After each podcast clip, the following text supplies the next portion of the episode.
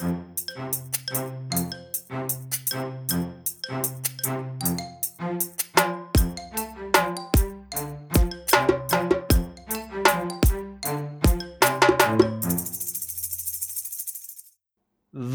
välkomna tillbaka till Stacken. Jag, Daniel Gustafsson och Kim Hildart. Mm. Hubba. Idag du Kim, idag ska vi eh, prata om eh, ett par saker. Vi ska börja med att prata om eh, vad som har hänt lite med Schrems-fallet, Max Schrems. Vi hade ju en intervju med Johan Kristensson, vd för City Network, för någon månad sedan, precis när Privacy Shield föll, och så hade vi en ganska lång diskussion om vad vi trodde skulle hända. Och vi ska bara ha en quick recap på vad, som, eh, vad det innebar och vart vi står idag, för det har ändå hänt lite mera sedan dess. Och sen ska vi prata lite om en FAQ som EDPB, alltså European Data Protection Board, har släppt rörande hela det här Schrems-fallet slash eh, Privacy Shields fall som även Datainspektionen har gjort en svensk version på och naturligtvis länkar vi bägge dem i avsnittet. Men vi börjar i rätt ordning. Eh, för en, vad är det, det är nästan två månader sedan nu som Privacy Shield föll, va? Tiden flyger framåt. Ja, den gör det. Och det har ju hänt lite saker sedan dess. Max Schrems bland annat, han var ju med och vart eh, eh utfrågad lite grann i, eh, inom EU-kommissionen för några veckor sedan och lite sådana saker rörande vad, vad händer nu så att det inte blir en Schrems 3. Ja, vi ska försöka länka till en fin video där Max Schrems pratar inför EU-kommissionen själv lite grann. Där pratar även eh, ordföranden för EDPB om deras syn på saker och förklarar lite sin FAQ. Mm. Och sånt. Till humorn här hör det ju till att EDPB är alltså en institution inom EU. Men numera sen GDPR är det en fristående institution. Tidigare var ju det här någonting som handlade som jobb sorterade under kommissionen. Det vill säga precis som våra svenska myndigheter sorterar under olika departement. Mm och departementen sen svarar inför riksdagen. Ja. Så var det så att EDPB var ett departement inom EU som alla andra. Men i och med GDPR så lyftes de ut och blev oberoende. Så det vill säga varken kommissionen eller domstolen har rätt att styra EDPB. Nej. Så det blev lite kul därför att när kommissionen inte höll med om EDPBs FAQ och utlåtande så tyckte de att där får ni ändra på och var på lite snabbt blev de varse att nej, vi jobbar inte för er. nej, precis. Till, ni tillsatte oss, men vi jobbar faktiskt inte för er. Och det är ju i meningen att de ska vara ett fristående organ också, som faktiskt ska granska EUs verksamhet också. Så att asch vad det kom tillbaka och bet oss. Men ja, fortsätt. Ja. ja. Precis. Men det, till saken hör då att EDPB består alltså av representanter från alla datainspektioner inom hela Europa. Mm. Alla dataskyddsmyndigheter inom hela Europa samlas i en jättegrupp som heter EDPB. Mm. Så med det sagt, det här med data privacy är någonting, ja, de kan ganska bra. Och det är ju de som huvudsakligen då är de som sätter hur man så att säga upprätthåller och auditerar och granskar att det här följs. Så att regelefterlevnaden ligger hos dem. Så att det är ju de som är själva dataskyddspoliserna mm. inom EU helt enkelt. Och, ja. Men eh, det är en intressant aspekt ur EU att de, om man inte har reflekterat över att EU tar det här med GDPR seriöst, så de tillsätter en helt oberoende fristående myndighet och ger den lika stort inflytande och makt över EU-beslut som parlamentet, ministerrådet, kommissionen och domstolen. Mm.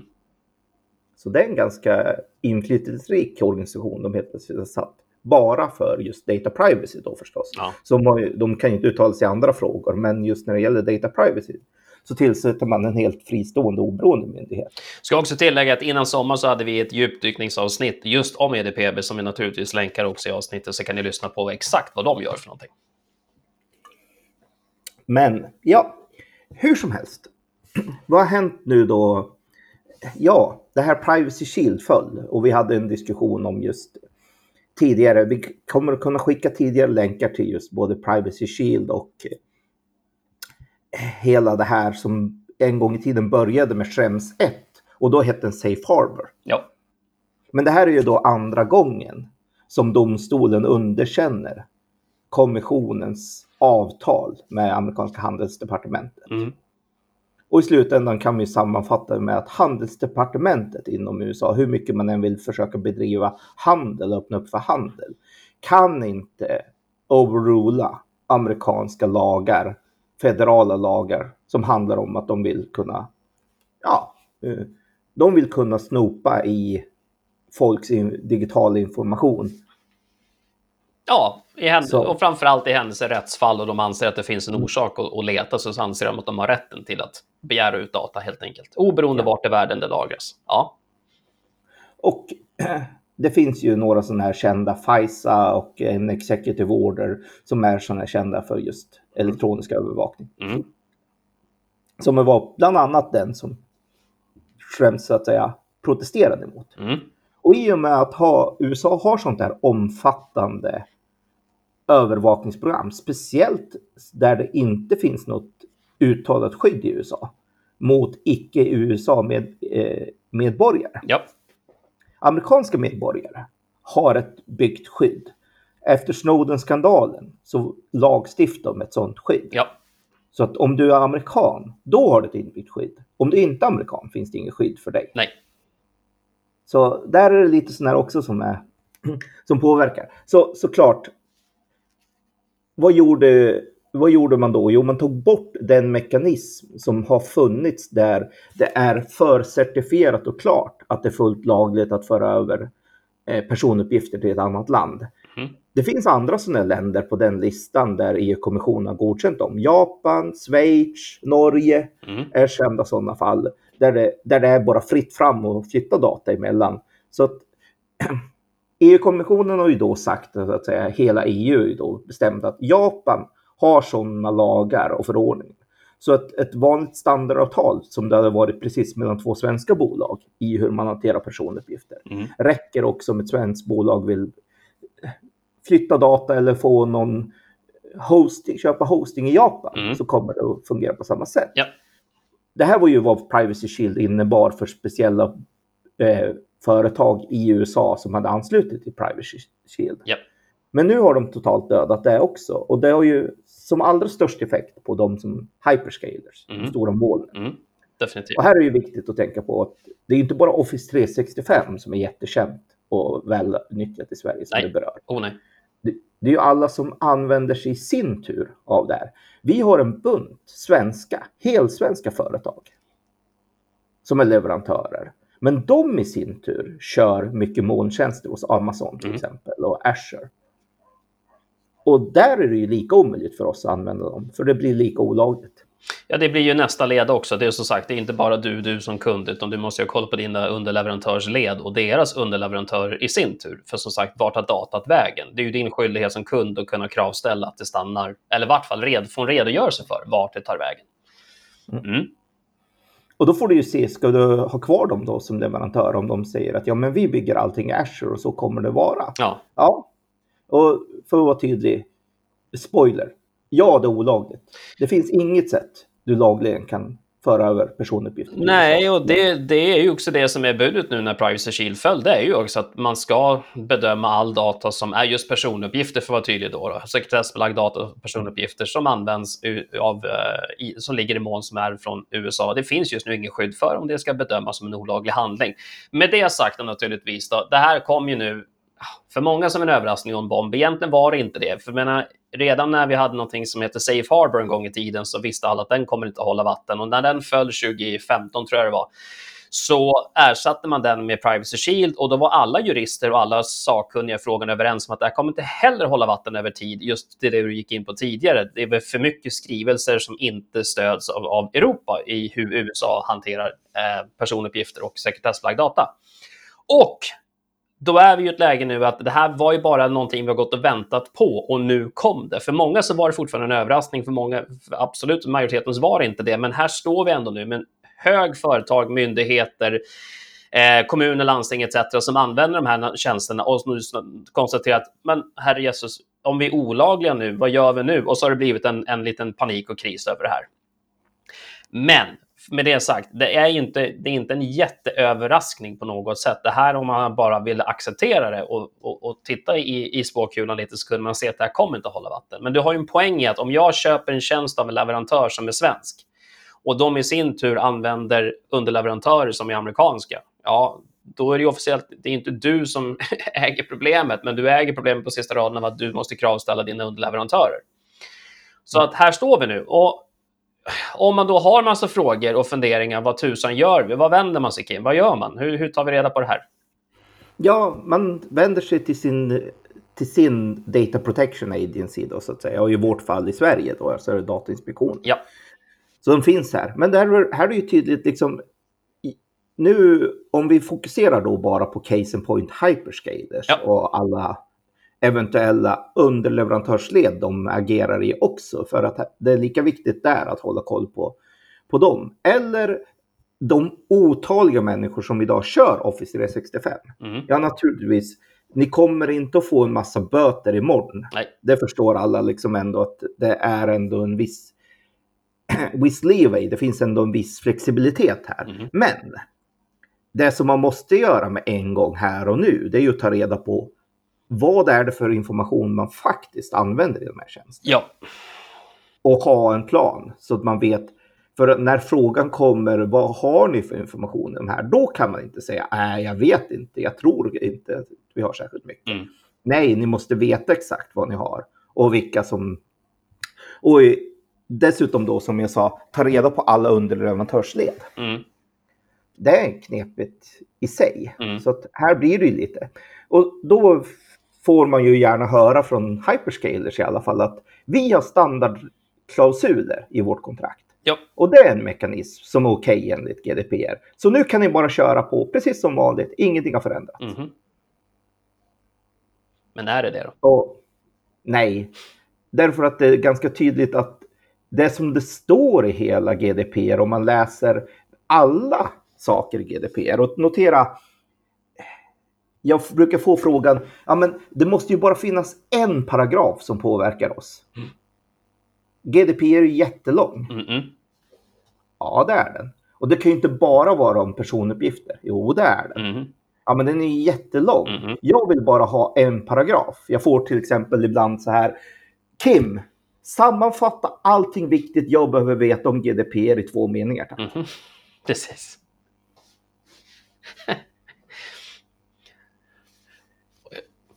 Ska vi, ja. Jaha, ska vi ge dem svaret? Ska vi sammanfatta?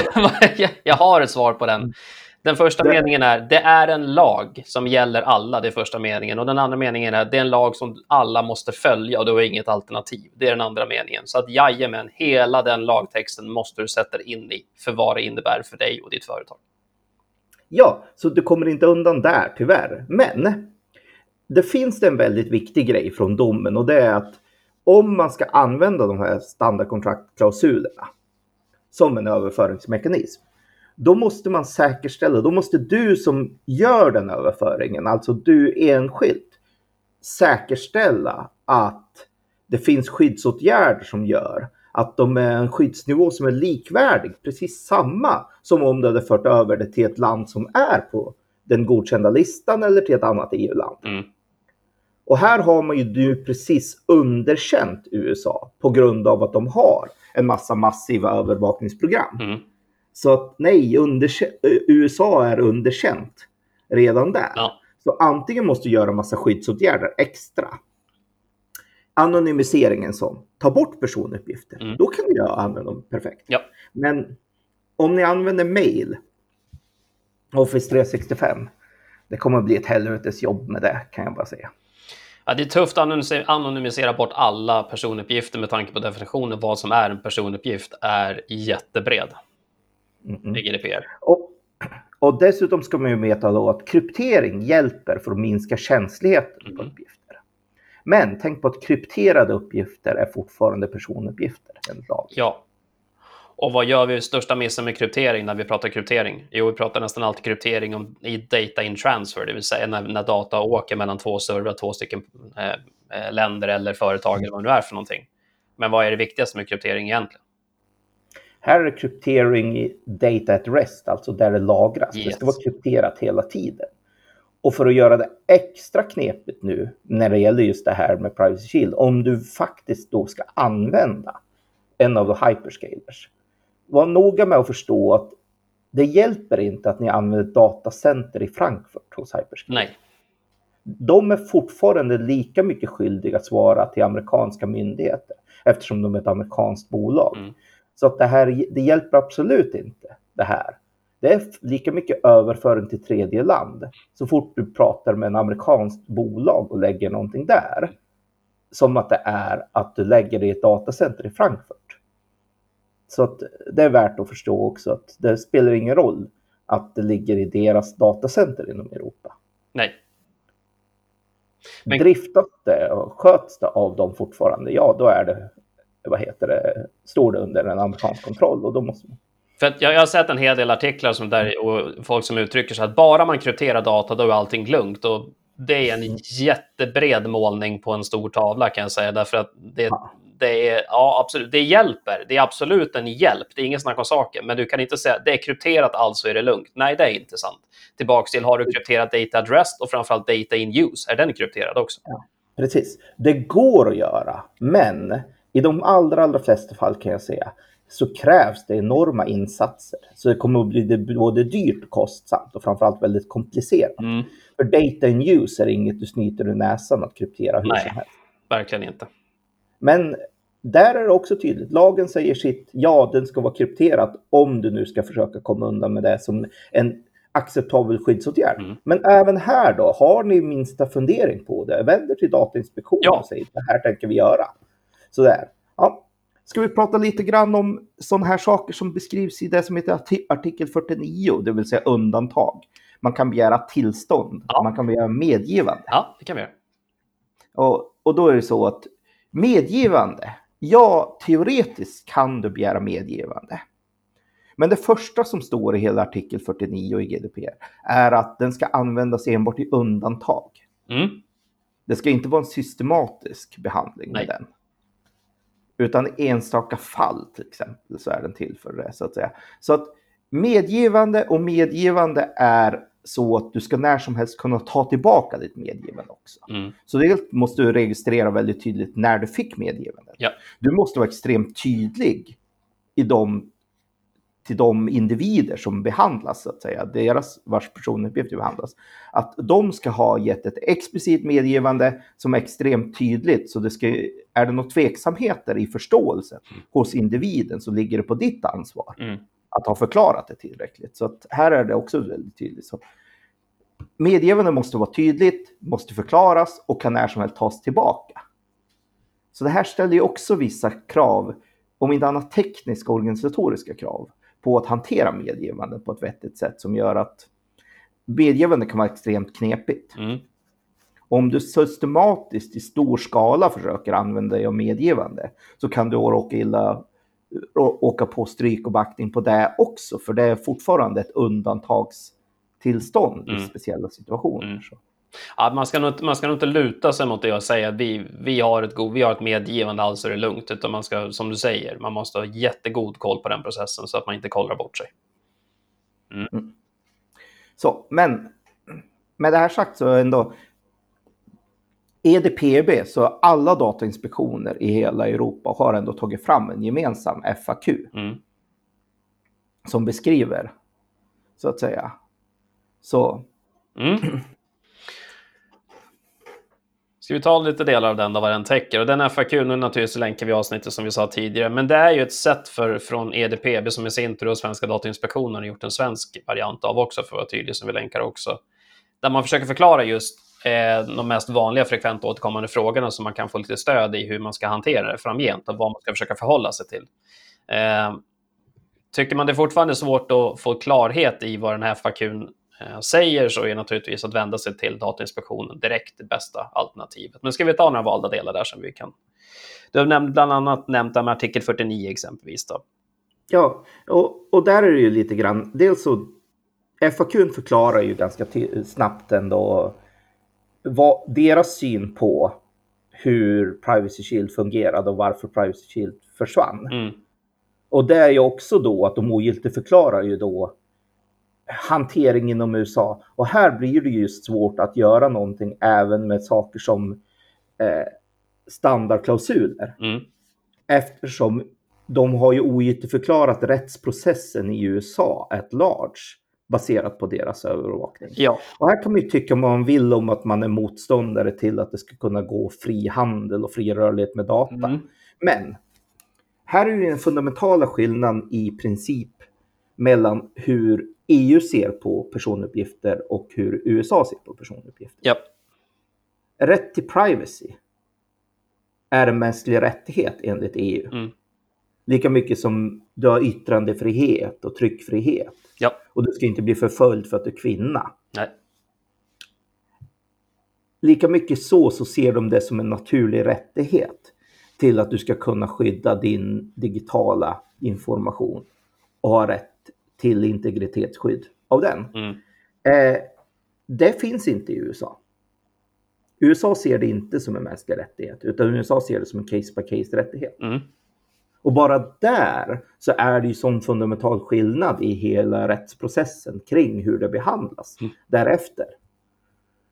Så ja, mm. så den är ju lite... Ja, det är det, återigen, och jag, jag brukar också säga, det är klart att ser man det från USAs håll, för att inte bara säga hur fel jänkarna gör. Jag kan, också, jag kan ju på ett, jag kan på ett stort sätt förstå varför USA gör som man gör också. Det, det finns en rejäl orsak till varför de har en hög säkerhet eller försöker skydda sig i alla fall mot, an, mot i, angående antiterrorism exempelvis. Jag menar, det har ju varit ett otal terroristhandlingar gentemot USA som nation de senaste 20 åren. Eh, det, finns en, det, finns en, det finns en ganska, vad jag tycker, naturlig respons från deras sida att vara aktsam om att hela tiden ha kontroll. För det är ju egentligen det det bottnar i. Och naturligtvis så står EU med sin åsikt och tycker att de vill ha kontroll på EUs medborgare. Och här blir det ju en clinch naturligtvis. Eh, men eh, något som oroar mig lite med då, det är ju, jag tror inte USA, och du har sagt det tidigare också, jag, jag tror inte USA kommer ge sig mm. typ imorgon bitti och säga, ja ah, men vet du vad, vi ändrar oss. och EU kommer inte heller göra det. Så vad ska vi ta av det här? Vad, vad ska effekten bli? Ja, man kan ju antingen säga att EU måste slåss hårdare för att få fram ett nytt avtal som då naturligtvis stödjer så vi kan fortsätta köra alla amerikanska tjänster. Och det håller jag med om till stor del, för jag vill att vi ska kunna nyttja de här tjänsterna för de är, de är bra tjänster. Men kanske också nu är det dags för EU att börja se sig själv i spegeln. Vad har vi på hemmaplan? Har vi egna leverantörer? Har vi en egen eh, suveränitet vad det gäller data i, eh, i form av tjänsteleveranser XYZ? Nej, det har vi inte. Vi har det i många andra sammanhang i form av att bygga bilar, bygga flygplan, bygga tåg och allt vad det är för någonting. Men just datatransport och dataägande och se till att vi har tjänster som kan hantera folks efterfrågan på, på IT-tjänster är i princip tom. Den lyser med sin frånvaro. Så kanske också nu, istället för att bara jaga ett nytt avtal med USA, vi ska lägga lite krut på att kanske hitta på, komma på att EU måste börja bygga, tillverka själv också. För mig är det en stor del, en stor takeaway från det här också, att inte bara fortsätta blint jaga USAs blidkan om att, att gör som vi säger, för det är en del av det. Men vad ska vi göra själva då? Ska vi bara stå och vänta på att krisen händer och sen kommer vi på att det var för sent? Eller ska vi kanske ta tag i spaden nu och börja gräva? Jag vet inte. Ja, nej, och ett råd till alla där som vi säger då helt enkelt att vill ni försöka vara lagliga eh, så och ni har saker och tjänster som använder någon form av de amerikanska hyperscaler-tjänsterna. Och det är jättesvårt. Vi har massa sådana underleverantörer också, just saying. Mm. Så att, eh, det är en stor grej. Så där är ju antingen hitta helt europeiska alternativ. Mm. För det är så, för att vänta på att det här löser sig av sig själv. Nej, det kommer inte att bli en safe harbor två månader senare snyter vi ut någonting liknande. Mm. Det kan vi vara ganska övertygade om. Till och med kommissionen inser att skulle de behöva dras inför eh, domstolen en tredje gång mm. och få stryk gul och blå, om inte domstolen var ganska kritisk och uttalande i det här uttalandet, så skulle de försöka komma med försök nummer tre. Och i all, i all eh, fundamental verklighet så har de amerikanska överstående lagarna, det vill säga övervakningslagarna, inte förändrats. Nej, Nej då skulle domstolen ganska hårt idiotförklara hela kommissionen ganska tydligt mm.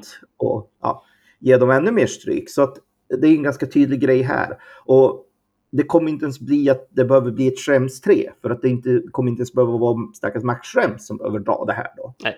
För EDP har själva sagt att kommer kommissionen med en ny tappning av Privacy Shield, Privacy Harbor eller någonting sånt. Ja. Och du fortfarande inte har löst det fundamentala problemet, det vill säga har USA ändrat sin attityd till massövervakning? Mm. Och det är inget man ser. Jag vet inte vad du säger, men jag ser inte att de gör det bara i handvändning heller. Nej, och jag kan inte säga att de har en direkt orsak att göra det heller för att vara tydlig. Så där kommer det ju att bli så att innan de har ändrat den, ja, då kommer vi inte att se någonting till. Och eh, där säger ju då att de, EDB har ju sagt tydligt att skulle kommissionen komma tillbaka med ett nytt försök, ett nytt beslut, som ändå är baserat på att eh, ja, det inte har fundamentalt förändrats någonting. Mm. Då kommer, har IDPB sagt, då kommer de att ta det direkt inför domstolen ja. eh, med en gång. Eh, så, ja. Nej, det måste komma någonting realt över det här. Men, men, men tillbaka till att under tiden vi gör det så måste vi också börja förstå att jag förstår ju varför europeiska och svenska företag köper amerikanska tjänster. Jag fattar varför, därför att de är världsledande på det de gör, tveklöst. De har, en, de har ett sånt maktövertag så att det är helt galet. Det kommer lite kinesiska tjänster lite andra, från andra länder också, men fortfarande är det USA som det absolut största, framförallt för enterprise-företag tjänsterna kommer ifrån. Så det är inget snack om saken. Men någonstans på vägen har vi ju glömt bort att tillverka själva också. Men äh, vi hade början på 2000-talet och slutet på 90 början på 2000-talet så var det fortfarande Ericsson och Nokia som var världens största tillverkare tillsammans med Motorola. Men ifrån Sverige, och Finland så hade vi två av världens största tillverkare av mobiltelefoner. De bygger inte ens mobiltelefoner längre, de är inte ens kvar på marknaden. Vi hade företag i Europa som byggde både servrar, datorer, laptops, allt möjligt. De finns inte heller kvar i Europa längre, de har alltihopa flyttat till Kina. Eh, eller Asien generellt även Korea och andra länder som har tagit över den marknaden. Så att Asien har tagit över hårdvarutillverkningen, USA står för all mjukvara som vi använder och däremellan står Europa och tittar på som en tennismatch och konstaterar att allt vi gör det är att köpa tjänster. Vi tillverkar inte längre och det här är ju bara en extremt illavarslande trend av att det räcker med en konflikt och då behöver det inte vara en väpnad konflikt. Det räcker med att vi kommer i klammeri med någon av de här två länderna. Och det är inte helt orimligt att tro att det händer. Vi läser om Kina i tidningen konstant om att de, det, det, är diskussioner fram och tillbaka mellan svensk stat och, och kinesisk stat. Vi läser konstant i tidningen om oroligheterna som är, om vi bara tittar inrikespolitiskt i USA just nu så är det otroligt instabilt. Vi vet inte vad det tar vägen någonstans. Dessutom är det ett val nu till hösten. Och vad händer efter det? Det vet vi inte heller. Det finns en risk att vi hamnar i mitten och hamnar i kläm helt enkelt av att vi antingen kommer i en konflikt eller att någon annan kommer i konflikt som inte behöver ha någonting med EU att göra, men vi blir eh, vi blir en collateral damage i mitten, det vill säga vi, vi, får, vi får smäll utan att ha bett om det. Och vad gör vi då? Så europeiska leverantörer, kanske vore någonting vi, borde ta och investera i också, EU. Jag vet inte, om ni lyssnar på det här, så ta er med det. Att, visst, jättebra att fixa nytt avtal med USA. Det måste på plats. Men risken finns att ni inte kommer få det ni söker och under den tiden kanske vi ska börja bry oss om leverantörerna i Europa också. Så fick ja. jag det sagt också. Och sen tillbaka till det hela det här säkerställa en strategisk infrastruktur. Det är väl ingen idag som inte håller med om att IT är en ganska fundamentalt strategiskt viktig resurs att ha. Mm. Det är det nya Och då säger jag att, som jag säger, jag tror det inte en väpnad konflikt. Jag tror inte som man säger att det kommer falla bomber över, över Europa. Nej. Men däremot handla i handelsspråk mm. med USA är inte helt orimligt. Nej det har vi varit förut och speciellt nu Trump om något har visat att det kan vi hamna i ganska lätt igen. Mm. Och vad händer då någon säger ja men då stänger vi de här tjänsterna för Europa? Ja. Vad gör vi då? Står vi där bara och säger ja. jaha, det var ju synd, nu svälter vi ihjäl och fryser ihjäl för mm. nu har vi ingenting. Det är också någonting som är värt att ta med sig i sin aspekt. Att det är ju inte så att vi hade bara köpt bilar från USA eller Kina eller Asien. Mm. Och sen om de säger vi tänker inte leverera bilar till er, nej, nej då får vi sluta köra då. Exakt. Det är inte så Europa hade gått med på. Jag böjd och säga att Tyskland hade haft ett annat och sagt. Ja. Nej, ja. jag tycker inte. Det låter... Men så vi kan ju inte sätta oss i den situationen IT-mässigt heller och bara acceptera att nej, så här är det ju lite grann. Och här tycker jag ju rent som en fundamentalt filosofisk grej så är det bra att EU ändå står upp för att det här är en grundläggande mänsklig rättighet, så den får inte förhandlas bort i något avtal. Mm. Och då är det ganska tydligt att det finns en sundhet i att det ska inte vara privata företags affärsstrategi mm. som bestämmer vilket lagskydd vi ska ge våra medborgare i deras behandling av personuppgifter. Nej. Men så har det blivit till viss del idag och när man säger åh, vi måste få ett avtal med de här hyperscalers. Nej, de måste rätta sig. Det borde vara tvärtom, att om jag, ska, om jag ska verka som företag så behöver jag anpassa mig till lokal lag. Det borde vara så, men just nu som du säger så är det faktiskt att företagen ställer krav på, på, på myndigheter och länder om att ni måste anpassa er till vår affärsmodell, annars så har ni problem. Och den utpressningen som det i princip är, tror jag vi ska hålla oss långt ifrån. Men tillbaks till att vi kan nog inte bara fokusera på avtalen. Vi kanske ska fokusera på vad gör vi själv då? Och just kanske börja bygga upp det här oberoendet. Jag håller med om att det tar tid. Ja, för att vi har, vi har låtit förfalla i, ja, mm. i 15-20 år snart ja. nu. Men, men med det sagt så det går att bygga om. Ja, det gör det det har faktiskt hänt förut. Så då får man väl bara ta tag i det.